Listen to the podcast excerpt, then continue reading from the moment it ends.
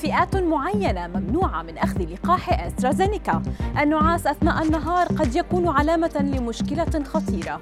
أغرب جهاز في العالم لإنقاص الوزن. أبرز أخبار الساعات الأربع والعشرين الماضية في دقيقتين على العربية بودكاست. بعد ظهور عدد من حالات الإصابة بتجلطات الدم بعد أخذ اللقاح. أعلنت وزارة الصحة الكندية أنها توصي الأشخاص الذين لديهم تاريخ من الإصابة بمتلازمة كلاركسون بعدم تلقي لقاح أسترازينيكا.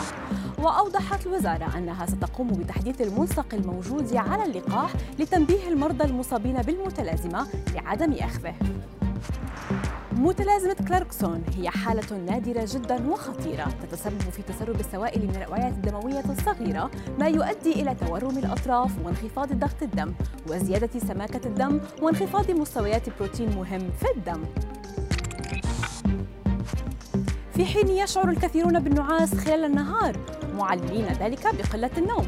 قد تكون هذه الظاهرة دليلا على وجود مشكلة صحية خطيرة. فظاهرة النعاس أثناء فترة النهار والأرق ليلا قد تكون إشارة لوجود مشكلات في الكبد وذلك وفق تقرير لوكالة نوفوسيتي الروسية للأنباء. وتحدث اضطرابات وظائف الكبد نتيجة عدة عوامل مثل الفيروسات أو تعاطي الكحول أو الإصابة بالسمنة التي ينتج عنها مرض الكبد الدهني بجانب العوامل الوراثية الأخرى. إذا كنت تجد صعوبة في جعل أطفالك يأكلون الخضروات فربما تقدم نتائج هذه الدراسة العلمية الحل لذلك. فقد قام فريق من الباحثين في جامعة بن ستيت الأمريكية بمضاعفة كمية الذرة والبروكلي في أطباق الأطفال التي يتم تقديمها في الوجبة من 60 إلى 120 جراما. واكتشفوا أن الأطفال تناولوا 68% من الخضروات في الوجبة الغذائية في المتوسط.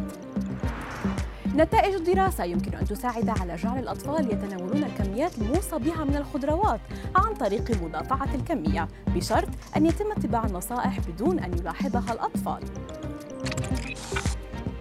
توصل فريق من الباحثين والخبراء إلى صنع أول جهاز في العالم لإنقاص الوزن وذلك ضمن الجهود العالمية لمكافحة وباء السمنة.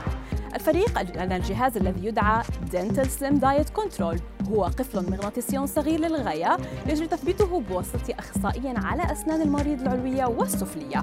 يسمح هذا القفل لمستخدمه بفتح الفم حوالي 2 ملم فقط. ما يجعله يتبع نظاما غذائيا سائل ولكنه يسمح له بالتنفس بحرية والتحدث بحرية أيضاً.